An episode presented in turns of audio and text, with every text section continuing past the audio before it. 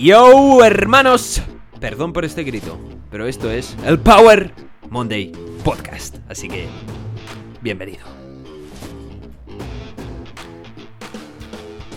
Bienvenidos a Power Monday Podcast, soy Pau, tu apasionado de fitness, motivación y ciencia y hoy te traigo el episodio más importante para tu salud hasta el momento. Un episodio muy crucial, vital. Y es que hoy te voy a hablar de nuestro poder. Sí, nuestro poder. Lo tenemos todos los seres humanos. Nuestro poder secreto. Dormir. Primero de todo, quiero empezar con una pregunta. Cuando te despiertas por la mañana, ¿cómo te sientes? ¿Te sientes capaz de tomar el día con tus manos, de darle a todos tus objetivos, de cumplir todo aquello que te propones? ¿O te despiertas cansado, fatigado, como un zombie, sin rumbo alguno, sin saber hacia dónde vas. Solo te lleva la corriente de tu vida. Esto es muy importante. Es muy importante que entiendas que el sueño es crucial para nuestra salud.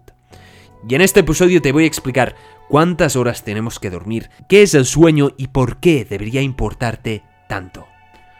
A menudo cuando la gente piensa en ser saludable, piensa en hacer ejercicio, en comer bien, pero no nos planteamos cuánto de importante es cómo dormimos, la calidad del sueño y cuánto tiempo dormimos. Aquí vienen unos datos muy importantes.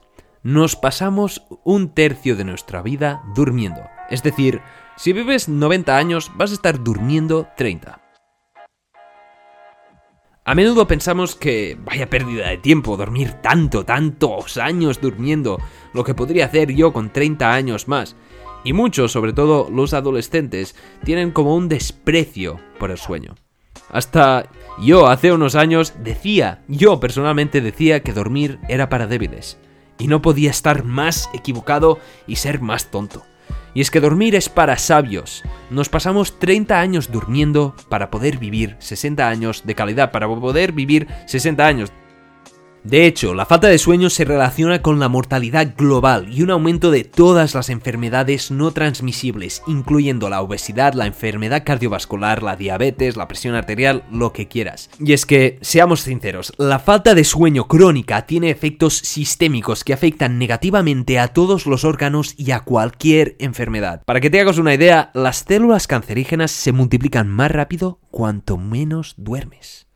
Así que cuidado. Si no duermes vas a morir. Necesitamos dormir. Es una necesidad. Es tan esencial como comer. Otro dato muy importante que se relaciona con este es lo que encontró el Centro de Prevención de Enfermedades, el CDC. Encontró que tan solo un tercio de los adultos duermen las horas recomendadas, las horas necesarias. Pero ¿cuántas horas tenemos que dormir? ¿Qué es el sueño y por qué debería importarnos? Así que primero de todo, ¿qué es el sueño? El sueño es básicamente un taller de reparación físico y intelectual.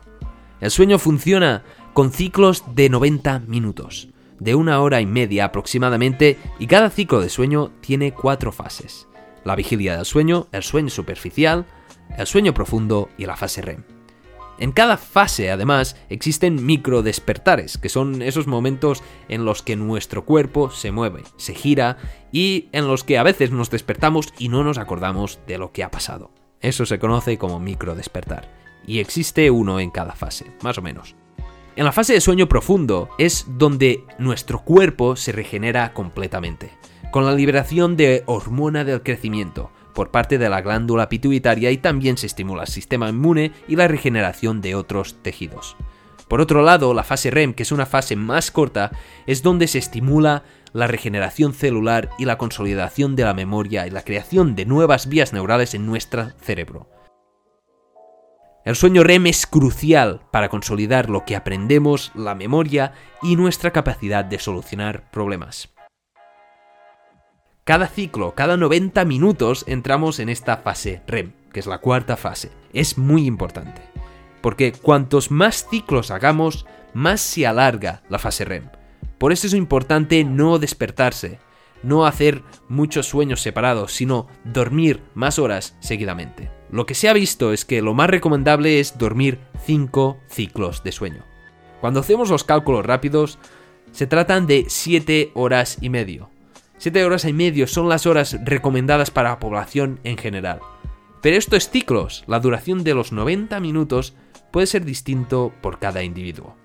Por eso no es tan fácil hacer generalizaciones. Hay que tener en cuenta que el sueño es diferente para cada uno y está determinado genéticamente y también en función de nuestra edad. Los niños no tienen las mismas necesidades que los adultos y los mayores o los abuelos tampoco tienen las mismas necesidades de sueño.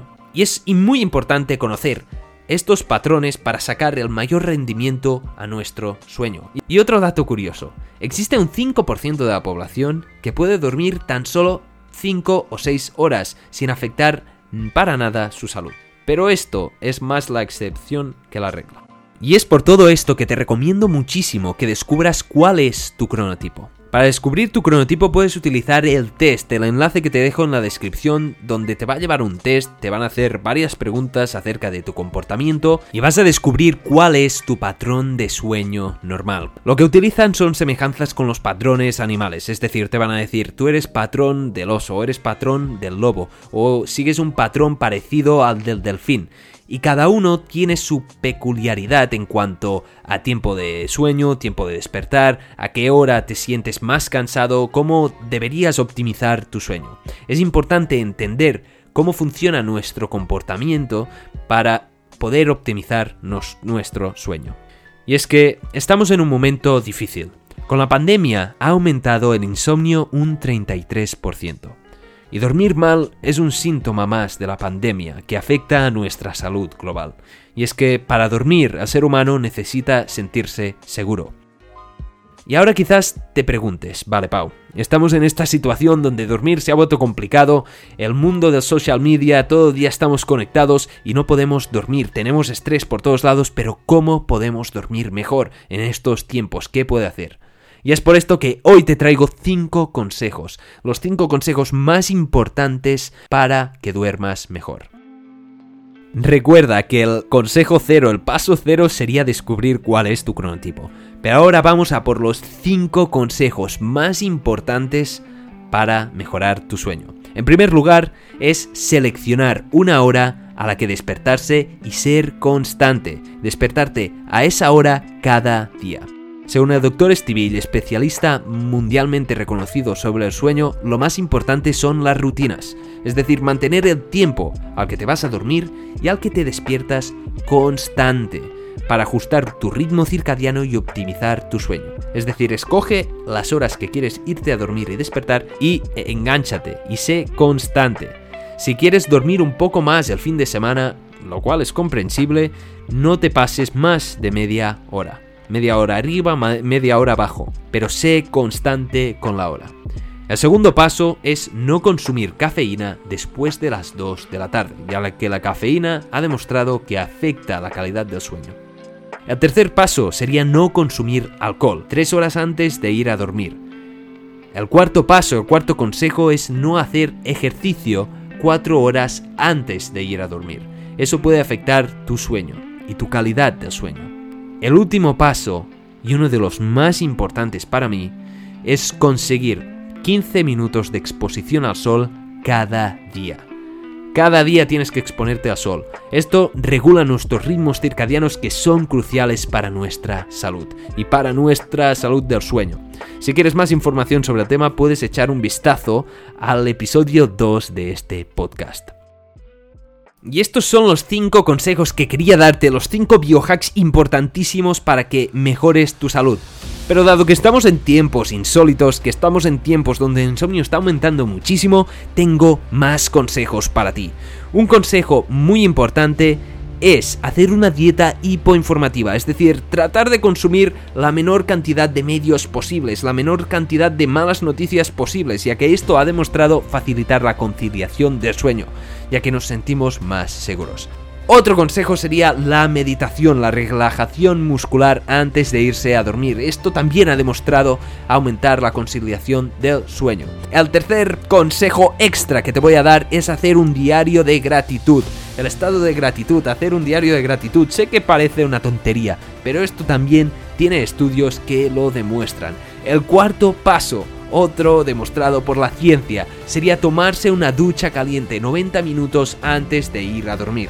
Esto afecta la termorregulación aumentar la temperatura externa hace que nuestro cuerpo trate de compensar y para dormirnos nuestra temperatura corporal debe bajar unos grados. Por lo tanto, eso facilita la conciliación del sueño. Y el último, y uno que me gusta muchísimo, es el uso de gafas que bloquean la radiación azul, que esto también te lo cuenta en el segundo episodio de este podcast, y el uso de filtros que bloquean la radiación azul que esto también altera nuestro ritmo circadiano. Te lo cuento en ese episodio, si quieres echarlo un vistazo. Y ahora, el rey de los consejos. El consejo más importante que podría darte es no apagar la alarma. Ya lo sé, no apagar la alarma, no alargar esos 5 minutos. Ya lo sé, estos 5 minutos en los que duermes y parecen la gloria. Estos 5 minutos que te dejan, que te dejan que parece que has dormido muy bien. Pero estos 5 minutos son muy malos, ya que no llegamos a un sueño profundo, son minutos basura podríamos decir. Estos 5 minutos son sueño ligero, sueño superficial de mala calidad, que no nos causan más que inercia del sueño el resto del día. Es decir, vamos a ir todo el rato como cansados porque nuestro cerebro se cree que le falta un ciclo de sueño. Lo mejor es despertarse sin alarma, ajustando tu cronotipo.